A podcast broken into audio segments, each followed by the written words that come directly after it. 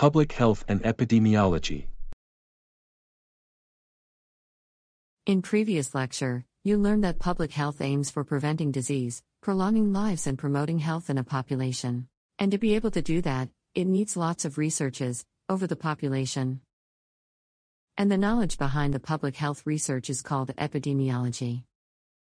Epidemiology, with focus on health related conditions, is trying to define health determinants and disease distributions in specified populations.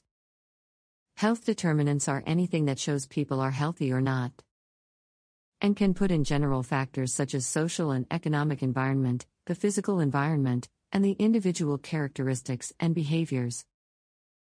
By understanding the health determinants, we can focus on major problems to use resources in the best way and develop a system to reduce risk factors and prevent diseases. Regarding using resources, we are going to explain the difference between equality and equity in further lectures, but for now, you can take a look at this picture and try to understand it on your own. Thank you for watching.